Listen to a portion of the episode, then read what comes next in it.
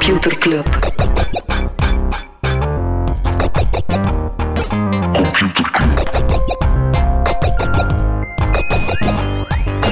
Computer Computer Club.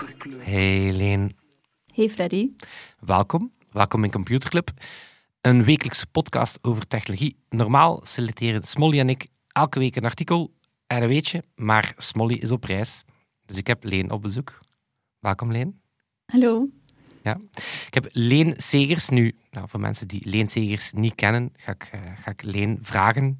Ja, misschien even de korte, de korte trailer van, van ja, jouw professionele leven. Laten we misschien, misschien daarmee beginnen. Ja, wie, is, wie is Leen Segers? Ehm, ja, ik ben Leen. Ehm, ik ben eigenlijk al sinds 2006 actief in software. Um, even bij eh, Accenture gewerkt, maar dan denk ik uh, het meest belangrijke is dat ik eh, vrij vroeg eigenlijk ben gestart bij Netlog.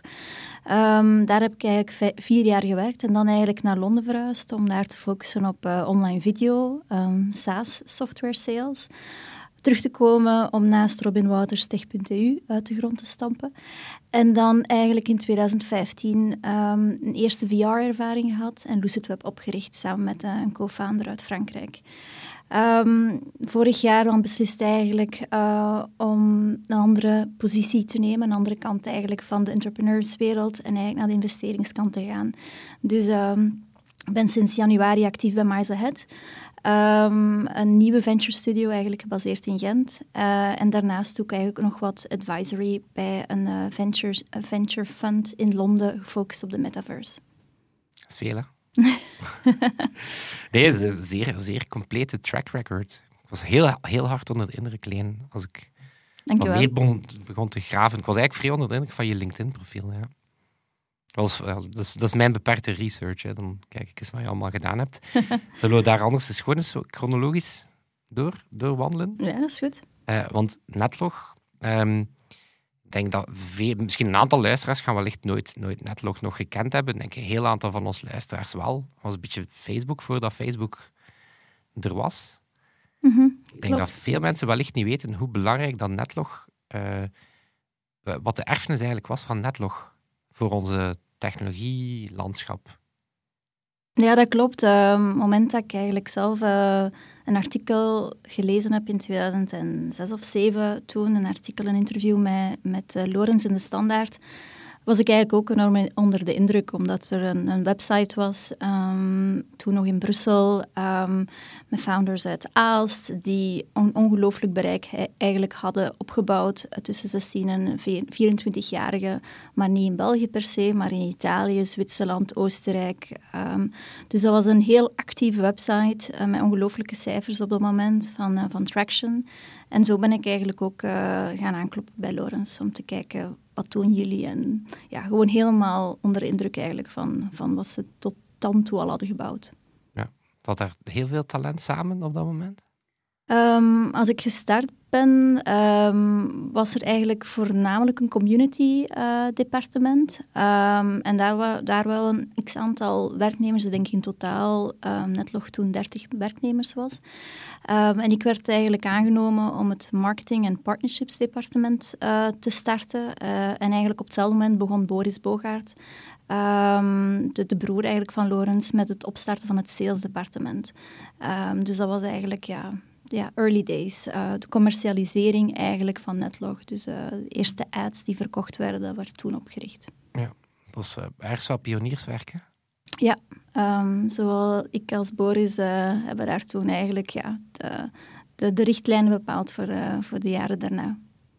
Het is, ehm, is er zo'n een, een moment dat je, het is, dat is misschien een moeilijke vraag, maar dat je zo, dat je zo voelt van, oké, Netlog had die tractie, was eigenlijk heel, heel populair.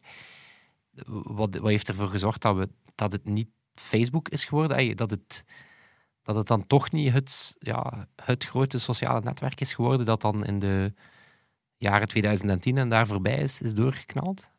Goh ja, daar zijn denk ik verschillende redenen. Ehm, ja, ik denk sowieso dat Facebook een grotere, met een grotere kapitaalsronde eigenlijk eh, naar Europa is gekomen dan, dan wij eigenlijk op dat moment in, in, ehm, hadden opgehaald. Eh, dus ik denk dat het gewoon ehm, ja, verschillende size was, eh, een verschillende approach. Ehm, ja, wat er daar net verkeerd is gelopen, is eigenlijk een hele moeilijke. Uh, ik denk dat je als Lorenz en, en Toon dat zou vragen, dat dat ook nog altijd een moeilijke is om dat echt gaan te definiëren. Um, maar ja, er zijn zeker momenten geweest dat ik zelf enorm onder de indruk was uh, van het bereik.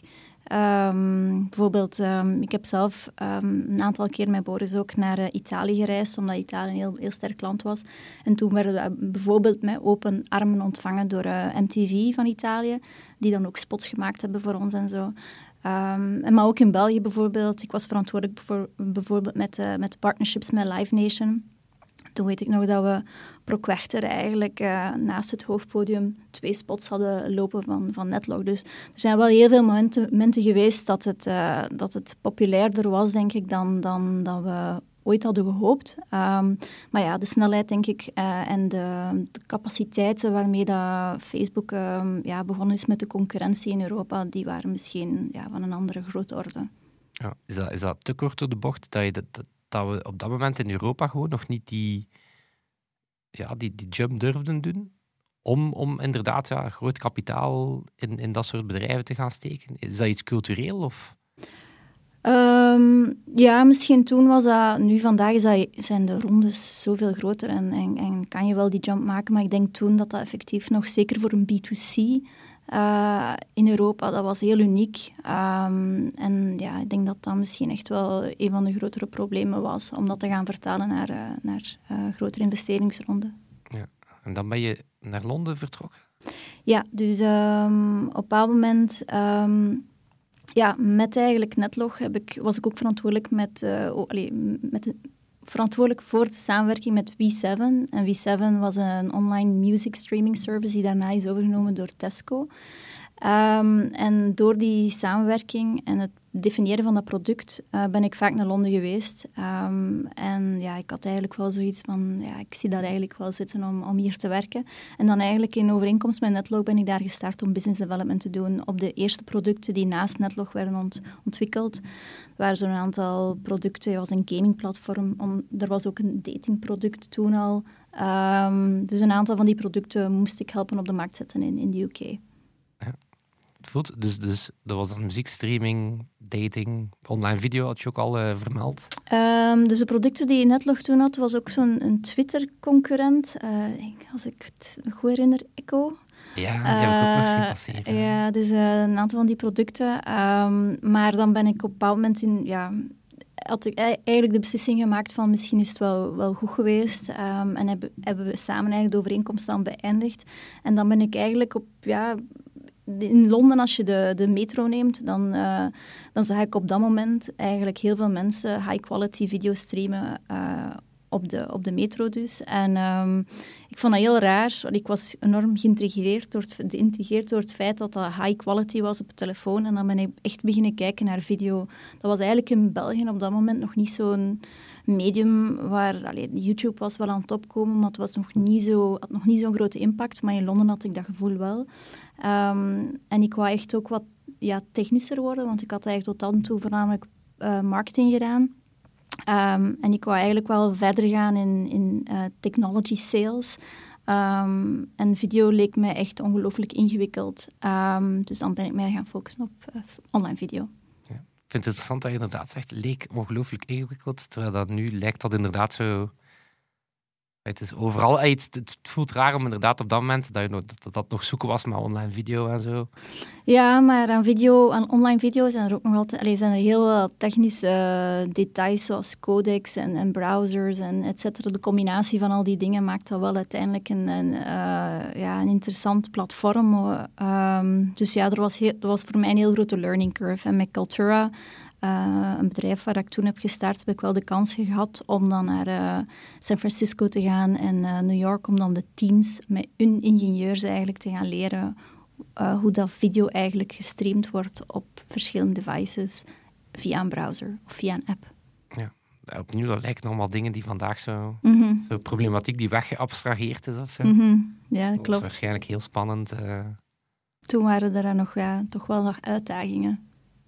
Het is iets voor dat denk ik weinig mensen vandaag bij stilstaan. Dat als je op netlog play duwt, dat dat gewoon gebeurt. En als je Mhm. op een ander device komt, dat je daar gewoon verder kijkt. Zo, Ja, klopt. waarschijnlijk very hard problems Mhm. to solve. Ja. En dan ben je naar VR gegaan. Ja, dus eh, nog even langs tech.eu gepasseerd. ehm, bij Robin Wouters, dat was ook wel een interessante leercurve. Ehm, Misschien maar voor mensen die Robin Wouters niet kennen. Nee, ook Ja, een hele grote meneer. Maar ja, wie is ehm, Robin? eh, journalist, eh tech-journalist. ehm, denk ooit gestart. Of toch alleszins ook gewerkt bij TechCrunch en dan de Next Web.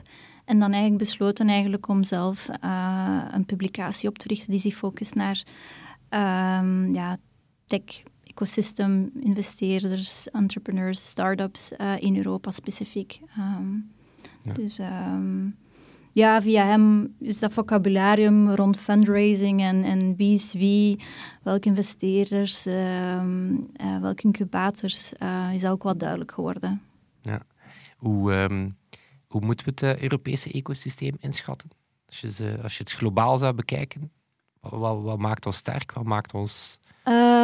Goh, sterk? Ja, historisch denk ik eh, fintech en healthtech en biotech, ehm, dat dat toch wel degene waren toen ook, eh, waar dat er heel veel headlines rond, verschenen zijn. En ik denk dat dat eigenlijk vandaag nog niet zozeer veranderd is.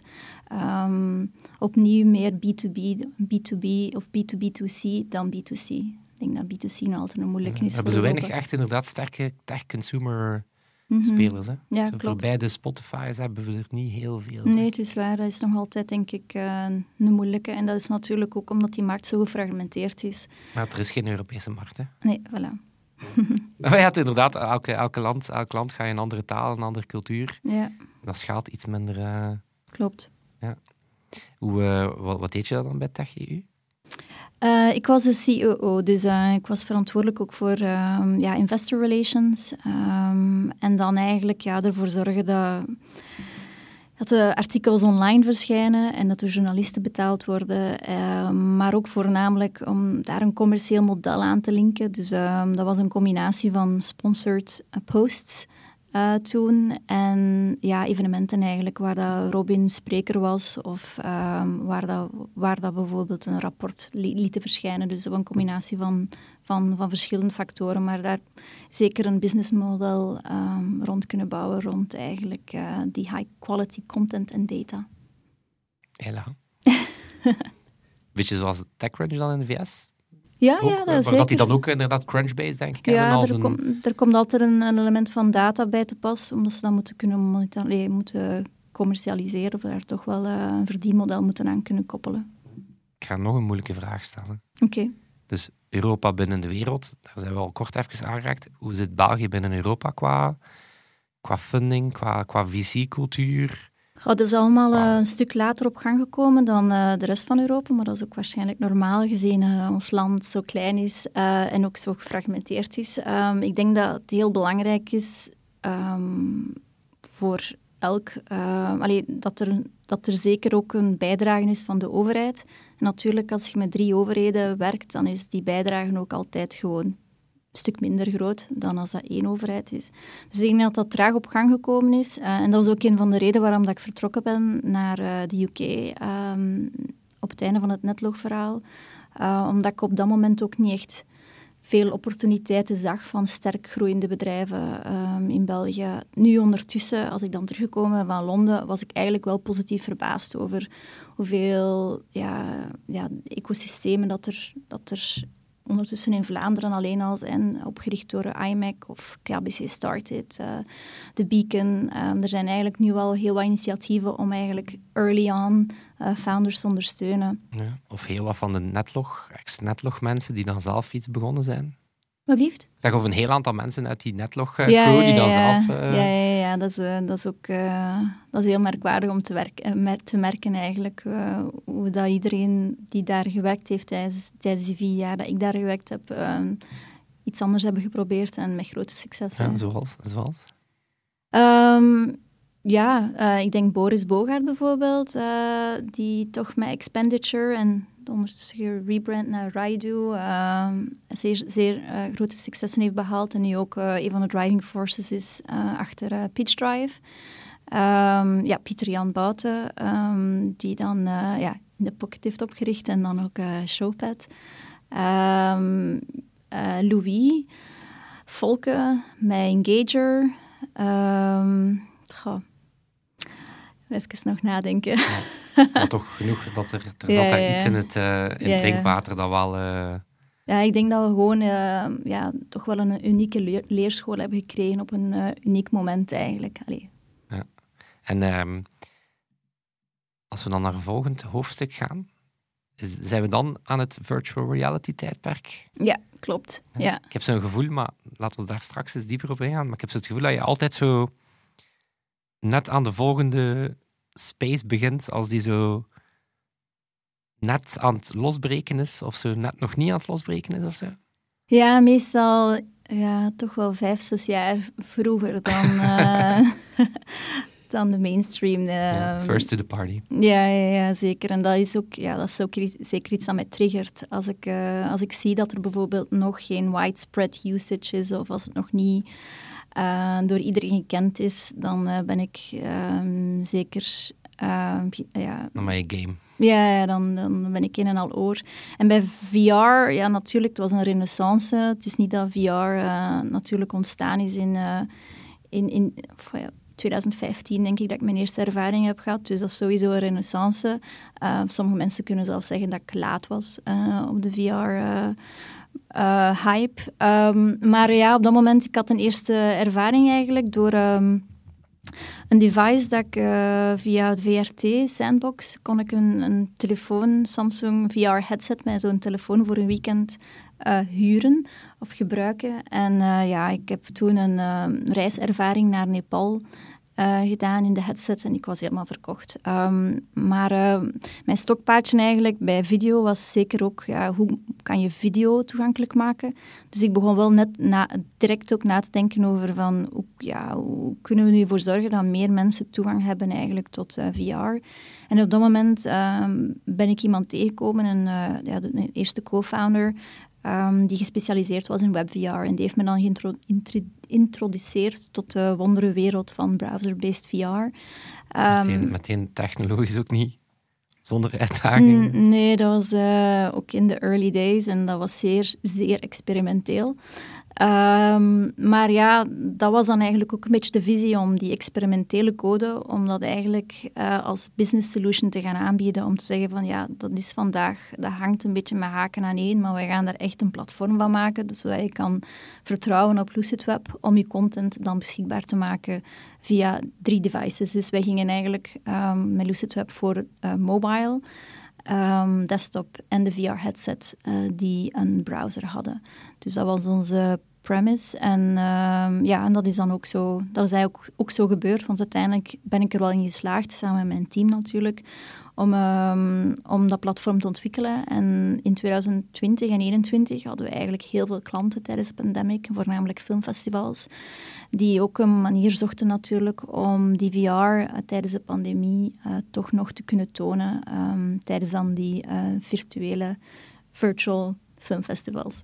Uh, dus ehm, we hebben eigenlijk wel, ja, uh, ja, dus dat is nog altijd, ben ik nog altijd heel blij om dat, um, dat we ja, in die end een self-serving platform hebben ontwikkeld, die dan toch door A-brands gebruikt geweest is op hun eigen houtje. Wat de bedoeling is van zo'n platform, dat je eigenlijk geen ondersteuning moet geven om je product te kunnen gebruiken. Hela. En waar, waar er zo bepaalde, je hebt al filmfestivals genoemd, waren er zo bepaalde sectoren waar dat je voelde van, daar zat die fit wel echt sterk? Ja, zeker. Daar paste die browser-based ja. VR wel echt goed? Ja, dus uh, sowieso filmfestivals en conferenties of, of ja, bijvoorbeeld South by Southwest is niet echt een filmfestival, maar die wouden eigenlijk ook VR tonen via, via, um, via de browser. Um, dus daar zat echt wel een goede product market fit. Um, probleem gewoon is dat die markt niet zo super groot is. Dus eigenlijk gingen we uh, geld ophalen om dan eigenlijk andere markten uh, beter te kunnen bedienen. Um, maar daar hebben we dan eigenlijk niet meer voor gekozen. Ben even een klein intermezzo waar ik alleen aan het vertellen was. Als een klein beetje meer richting de micro moest, moest gaan hangen. Maar dat is, dat gebeurd. Dat is gebeurd, dat is gebeurd. Um, ik, ik, dit, ik maak mij nu op voor, voor een van de boeien, hopelijk een van de boeiendste discussies dat ik in lange tijd ga gehad hebben. Mm -hmm. Jij bent een persoon die zegt, ik ben wel fan, ik ben één, op je LinkedIn staat er een metaverse aficionado. En je hebt zwaar gezegd dat je fan bent van de rebranding van Facebook naar Meta. ik ben dan iemand, de luisteraars wellicht wel intussen door hebben, die stilletjes aan een beetje allergisch ben geworden aan het woord metaverse en, Mhm. en de, de vele hype er rond. Mhm. Maar dus voor jou is die aandacht voor al die aandacht voor de metaverse, dat is, jij ziet dat als iets positiefs. Ja, 100% Ik denk dat dat sowieso een eh platform shift is die eh, zal gebeuren. Ehm, ja, natuurlijk gaat er, gaat er nog heel wat technologie en innovatie ehm, moeten eh, toegepast worden om dat zo toegankelijk mogelijk te maken. Maar ja, ja, voor mij is dat, ja, staat dat heel duidelijk eh, als, als, als een toekomstobjectief. Dat mensen ehm, voor het werk, maar ook voor eh, entertainment een headset gaan gebruiken. Of alleszins een device waardoor dat ze... Immersiever. ehm, ja, ja. Ehm, ja, ik word daar enthousiast van. Ja, ik ben ook super sceptisch over eh, het dataluik en, en alle ethische vragen die die aan die platform shift gelinkt zijn. Daar ben ik wel, ik bedoel, het is niet dat ik daar naïef over ben, maar ehm, ja, ik ben eigenlijk wel fan van Facebook of Meta. eh, op die manier dat, ja, social media zijn ze bij gestart.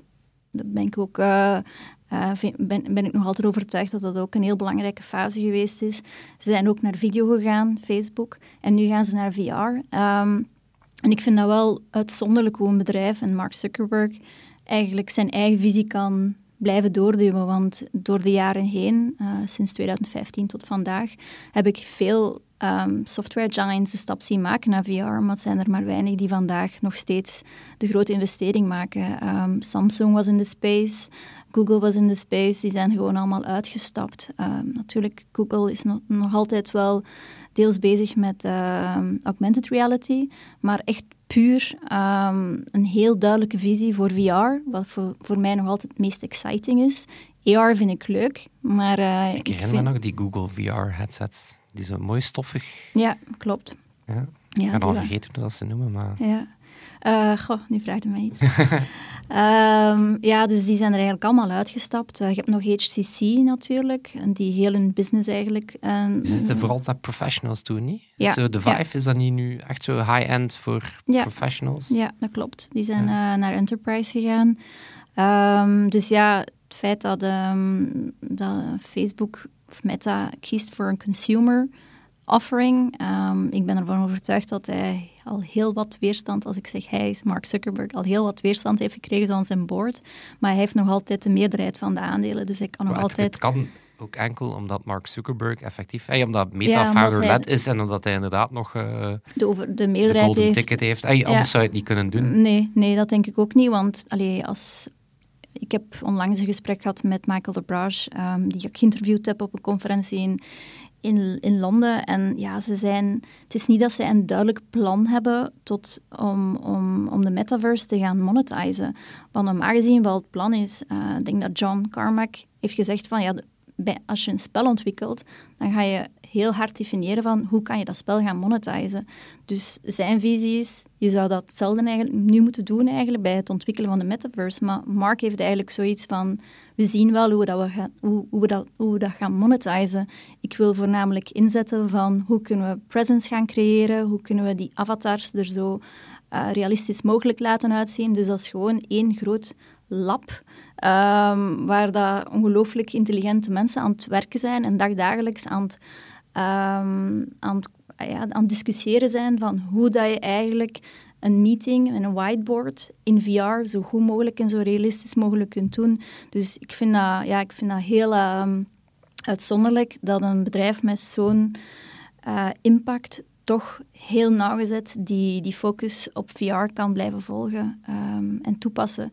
Eh Michael die heeft ja, een roadmap voor de, voor de volgende 15 jaar. Dus dat is toch zot. En ben, ja, ik ben wel fan. Ja.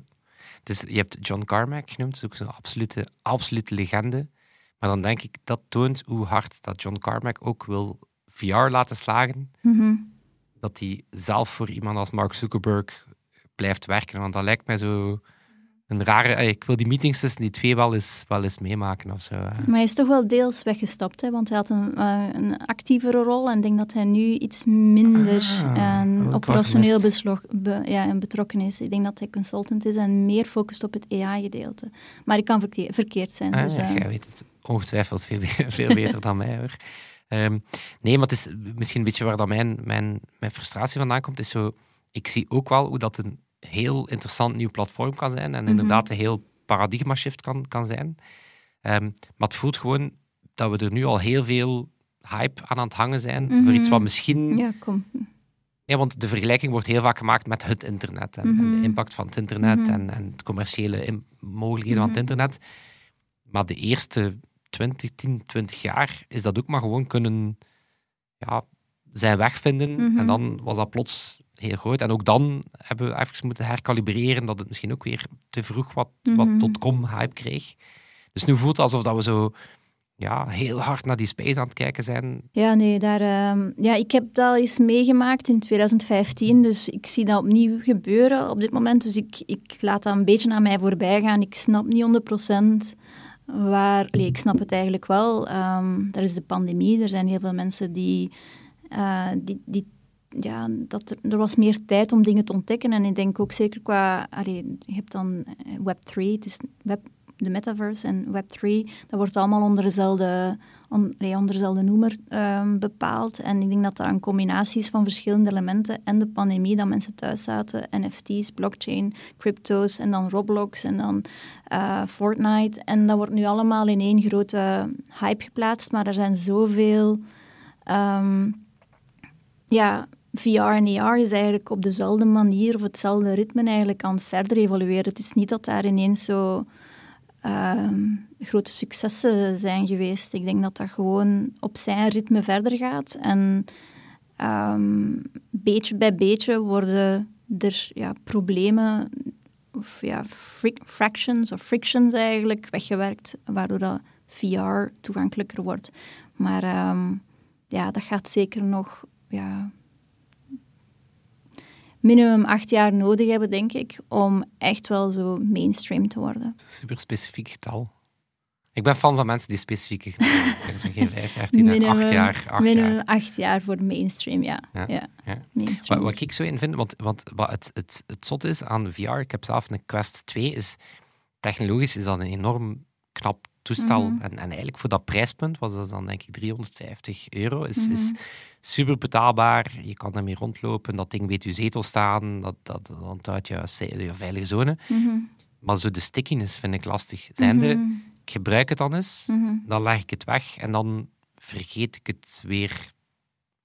Is dat effectief een, een uitdaging bij VR? Of? Ja, dat was, dat was ook al in 2016 een, een challenge. En ik denk dat dat sowieso een van de ehm, eh, ja, grootste challenges vandaag. Maar daarom denk ik ook dat die focus, zeker qua B2B, eh, B2C, dat die focus naar social VR is gegaan. Ehm, ehm, Facebook werkt op, eh, of Meta werkt op Horizon. Ehm, Microsoft heeft Altspace VR. Je hebt dan VR-chat. Ehm, die social VR-spaces die zorgen er wel voor, als je met mensen kan afspreken of als je mensen leert kennen in VR, dan ga je al sneller opnieuw eh, je headset opla- eh, opzetten. Ik weet nog in de beginmaanden van de, van de pandemie was het mijn verjaardag en mijn co-founders bij mijn NGO hadden een feestje georganiseerd in Altspace VR ehm, voor mijn verjaardag. En ja, dat was eigenlijk super tof om mensen die dat ik voorheen eigenlijk op conferenties in, eh, eh, in Europa tegenkwam, om die dan in, in VR eh, opnieuw te ontmoeten. En als je dan bijvoorbeeld daar een regelmaat eh in houdt, eh, want we hebben eigenlijk ook een aantal eh, evenementen met WIT in eh Altspace gehouden, dan, ja, dan heb je die afspraken en dan ga je ook sneller gaan andere afspraken gaan vastleggen in VR. Dus ik denk social VR, zeker voor B2C, ehm, zal voor stickiness zorgen. En dan voor enterprise denk ik dat de visie van, van Meta, en ik ben effectief wel een fan, dat is duidelijk, maar ehm, die, die workspaces en, en ehm, die, die white, de whiteboard functionality, dat ze, waar dat ze zoveel eh, focus op leggen, waar dat je eh, real-life avatars ziet van de mensen rondom u, ehm, die codec 2.0 avatars, dan ja, dat zie ik ook wel echt als een, als een standaard worden voor bedrijven als het niet gaat om te reizen naar een meeting. Ehm, Wel, ik moet wel zeggen, die zie ik wel iets meer. Zo de enterprise kant, of zo, zo, dan, dan zou dit wel eens de eerste keer zijn, of, of dat die technologie misschien sneller in enterprise zijn tractie krijgt. Omdat Maar- je ziet het wel ergens als een... Ja, het is een beduidend grotere upgrade dan, dan in een 2D Zoom-meeting zitten met slechte audio. Dat, Mhm. Dat is wel duidelijk. maar hoe, hoe heette die smartphone weer dat eigenlijk voor... ehm, BlackBerry. ja, voilà. Dus BlackBerry is eigenlijk wel ook die platform shift is ook gebeurd door corporates die BlackBerries voorzien aan personeel. En dan pas is er de iPhone gekomen, waardoor dat iedereen dat begon te gebruiken. Dus dat is niet uitzonderlijk dat dat start bij enterprise. Ja. Maar ik denk dat, ze nu, dat Facebook nu met de Cambria... Die Cambria die krijgt nu de, de Quest Pro-titel. Las ik enkele dagen Ja, geleden. dat klopt. Ja. ja. Zijn met een pro- eh, ja, professional version bezig. Maar wat daar juist het verschil zal zijn, het zal waarschijnlijk een compleet ander prijspunt zijn, sowieso. Maar, ehm, en niet gelinkt aan uw uh, Facebook-profiel. Ja. Daar ben ik zeer blij om persoonlijk. klopt, ik wil eigenlijk al heel lang weg van Facebook. ja. En ik vind het maatloos irritant dat ik dat niet kan, Mhm. omdat ik dan mijn Oculus games kwijt ben. Ik vind dat Mhm. heel Ja, heftig. Maar ik zag nu, volgende maand is het, eh, is het zover. Ja.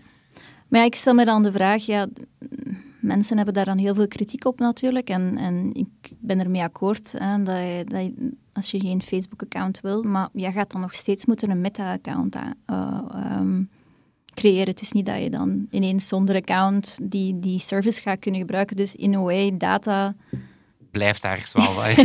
er gaat sowieso wel... het is heel oppervlakkig. Ja, voilà. Dus het is ergens denk ik wel ook een beetje een PR-move, omdat er zodanig veel kritiek op gekomen is. Ja.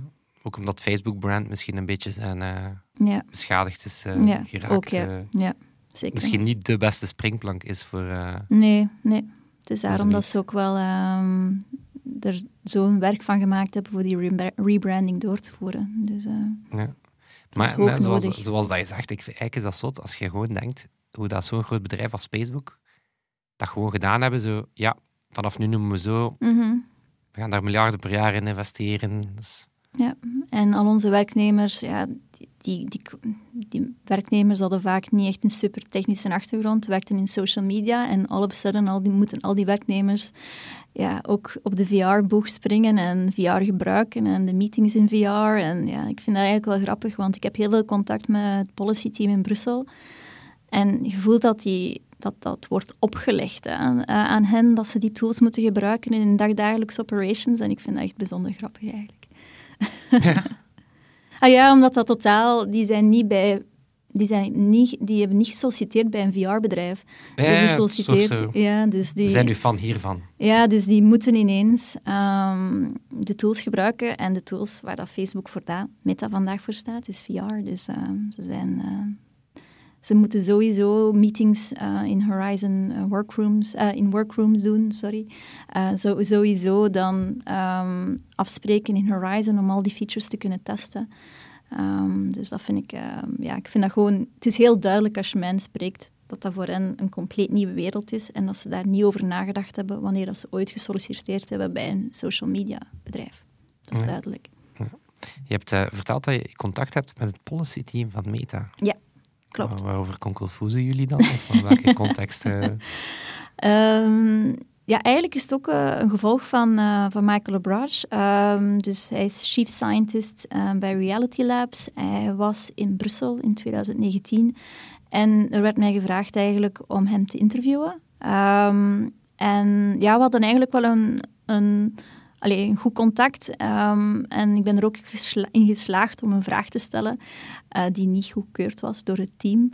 Ehm, en hij heeft mij daar, daarna ook eh, ehm, voor bedankt, omdat ik eigenlijk uh, onstage heb gevraagd, ik ga ze nog eens herhalen, de vraag.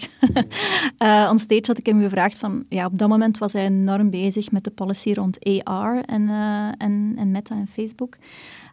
Maar ik vroeg hem van, ja, moest je nu carte blanche hebben, wat zou je verkiezen? Werken voor in VR of werken in AR? En toen heeft hij gezegd VR en ik vond dat super tof. En sinds dan heb ik eigenlijk een, een connectie met zijn team ook.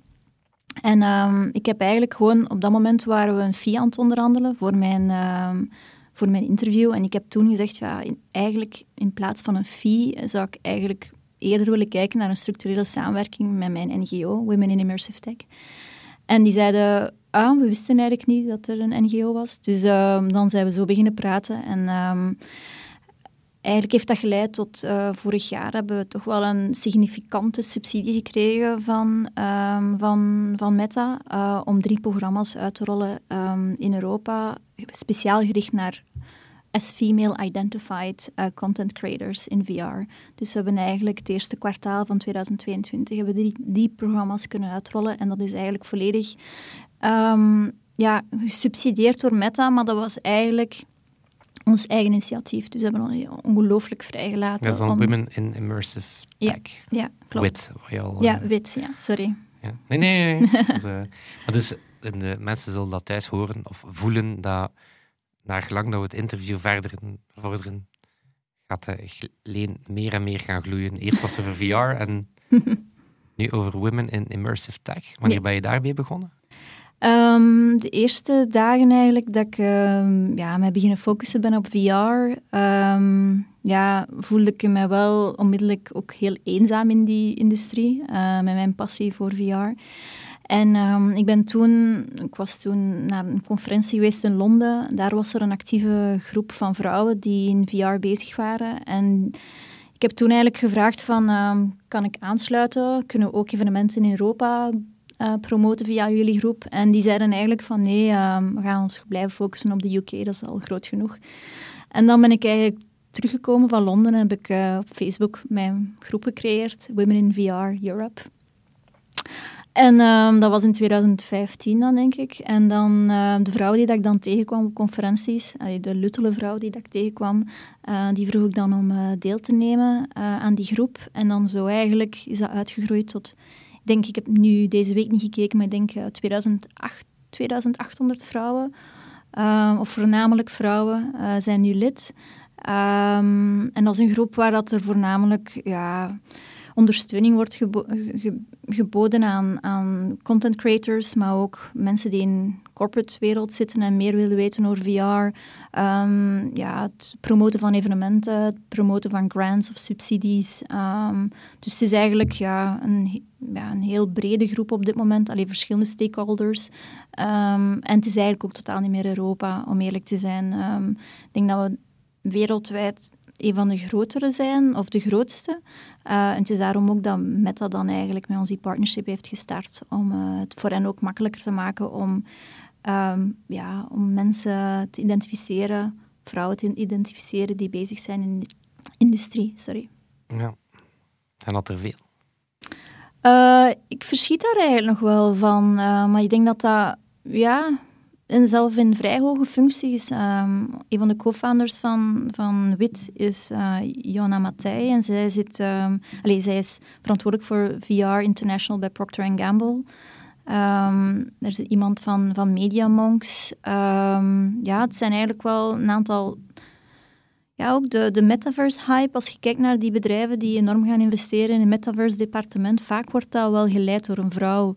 Um, dus dat, is, dat, komt eigenlijk wel op een goed moment eigenlijk. Ik zeg niet dat dat door mijn uh, eh, NGO is, maar er zijn heel wat vrouwen die op het juiste moment uh, naar VR hebben gekeken en nu toch wel een, een vrij hoge functie hebben. Ja, dus de VR-space gaat iets minder blank mannelijk gedomineerd zijn. Dat is Gelukkig alles, dan de... Ja, dat is de bedoeling. Uh, ik ga niet zeggen dat, dat, dat we er al zijn, maar dat is, er is sowieso wel um, genoeg allee, awareness rond het probleem. Um, en dat is zeker ook waar dat Facebook of Meta vandaag mee bezig is, om ervoor te zorgen dat bij het uitrollen van die producten dat er genoeg vrouwen uh, betrokken zijn. Um, want ja, de headsets zijn eigenlijk nog altijd wel vandaag meer uh, gefocust op het uh, hoofd van een man.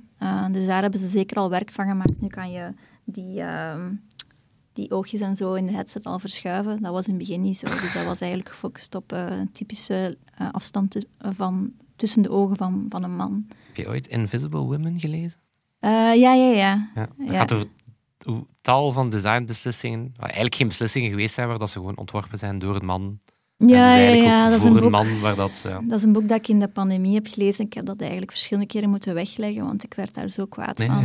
dan... Ik kon dat niet in één keer doorlezen eigenlijk. Uh, ja, daar, daar zijn heel veel... Ja, er is een, een groot gebrek aan data eh, gefocust op ehm, allee, vrouwspecifieke data, waardoor dat er eigenlijk heel weinig oplossingen zijn die gefocust zijn op... eh, ehm, en dat is, ja, dat is vandaag ook een van de...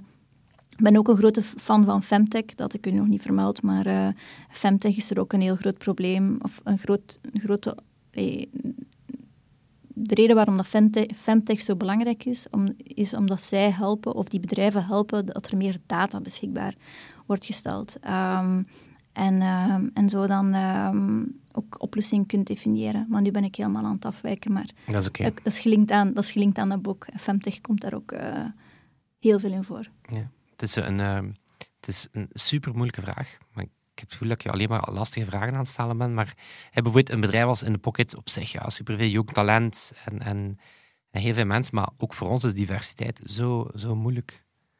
Wat, waar fix je zoiets?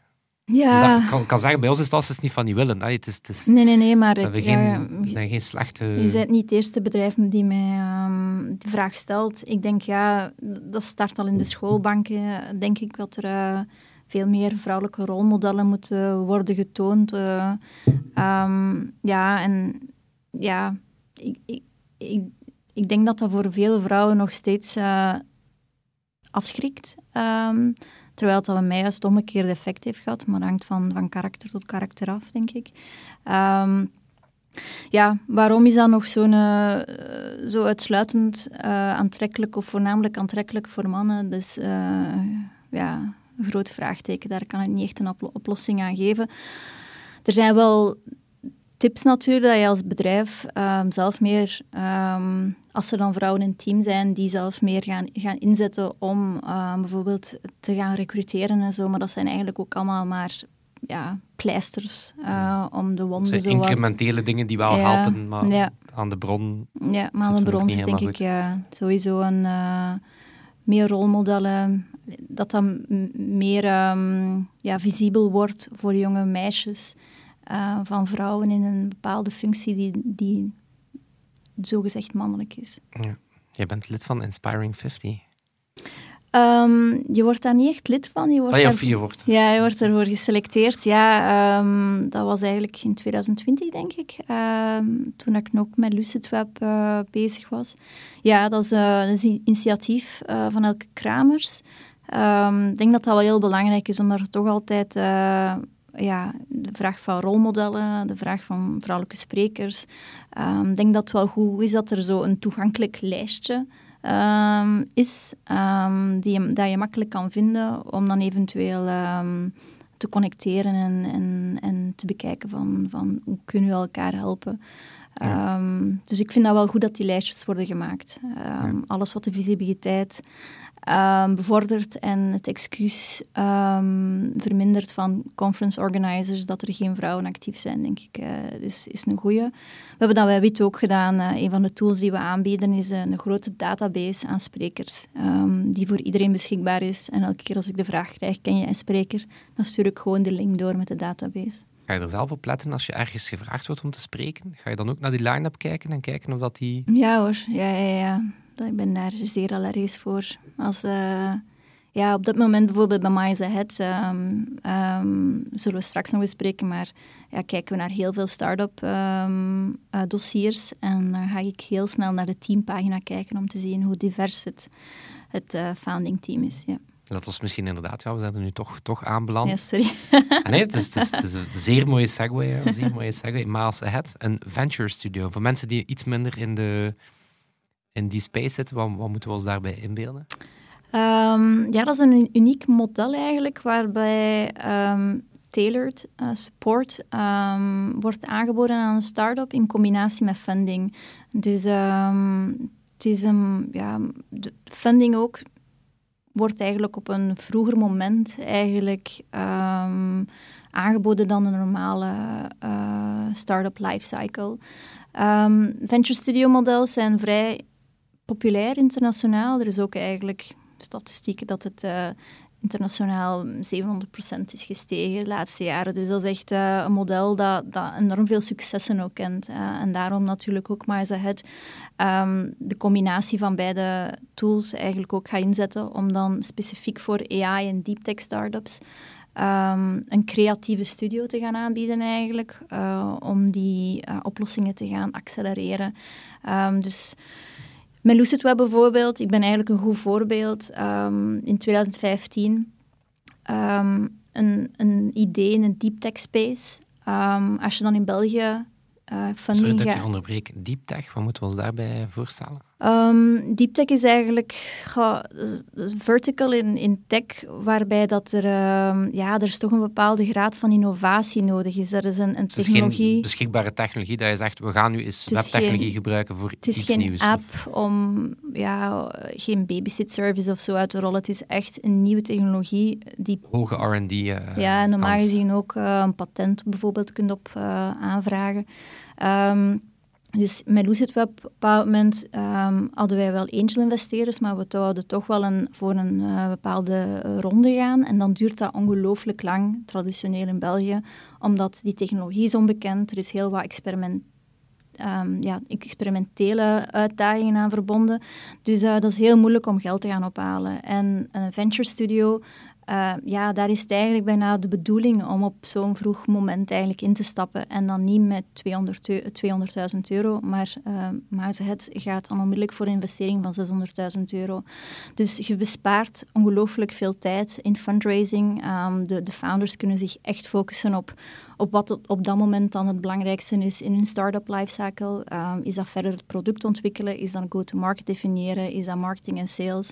Dus, um, maar zij ja, wil eigenlijk op basis van de noden van de start-up of van het founding team een zo goed mogelijk team uh, samenstellen om hen te helpen en dan natuurlijk ook van, van, van cash te voorzien.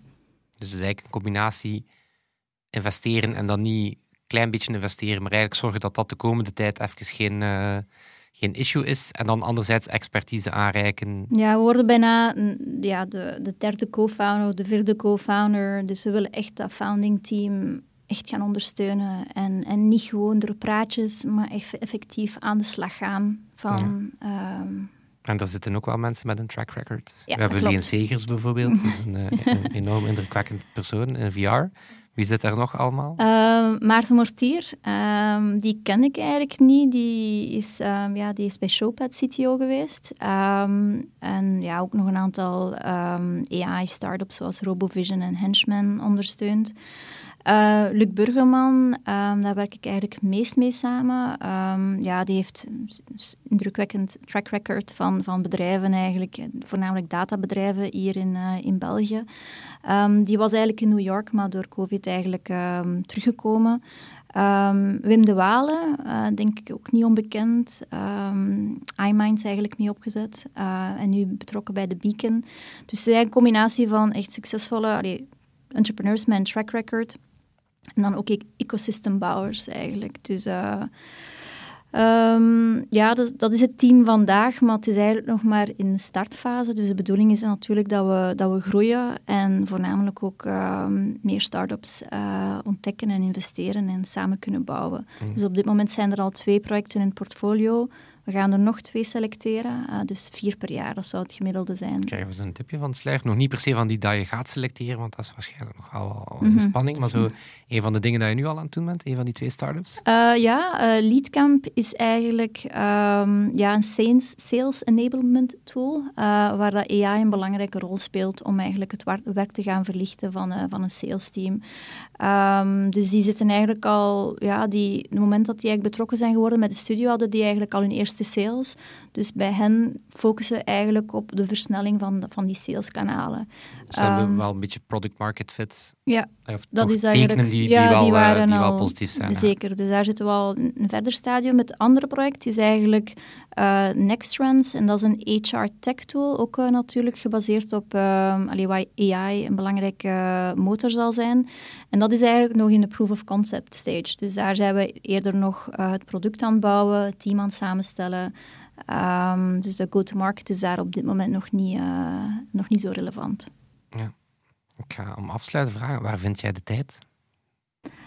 Um, goh, goeie vraag eigenlijk. Um, ja, ik denk voor mij het belangrijkste is uh, ja, uh, altijd kunnen bijleren. Uh, en ik denk van, van VR zat ik ergens wel in een soort van tunnel of in een heel specifiek domein. En nu met Maze Het gaan we veel breder. Ehm, dus dat creëert gewoon sowieso uh, een ongelooflijke leercurve en ook tijd. Ja, dus dan is het niet zo erg om lange dagen te doen. Nee, nee, nee, zolang, ja, dus ik ben super nieuwsgierig en dat is super boeiend om, om uh, verschillende ja, andere sectoren te leren kennen en te zien wat AI voor die sectoren kan betekenen. En dan toch tijd vinden om hier met ons in de studio te zitten. Ja, het is een eerste keer en ik vind het eigenlijk wel een heel leuk eerste ervaring. Ah, voilà. Zo hebben wij ook Leen Segers leren kennen. Leen, mag je heel erg bedanken. Dankjewel. Ja, voilà. Um, ik zal een tipje van de sluier lichten. Volgende week uh, gaat Smolly, of de volgende aflevering heeft Smolly een gast op bezoek. En het is ook het gasten en ze heeft misschien ook iets met VR te maken. Dus voilà, dat is al het einde. Tot volgende week. Yo!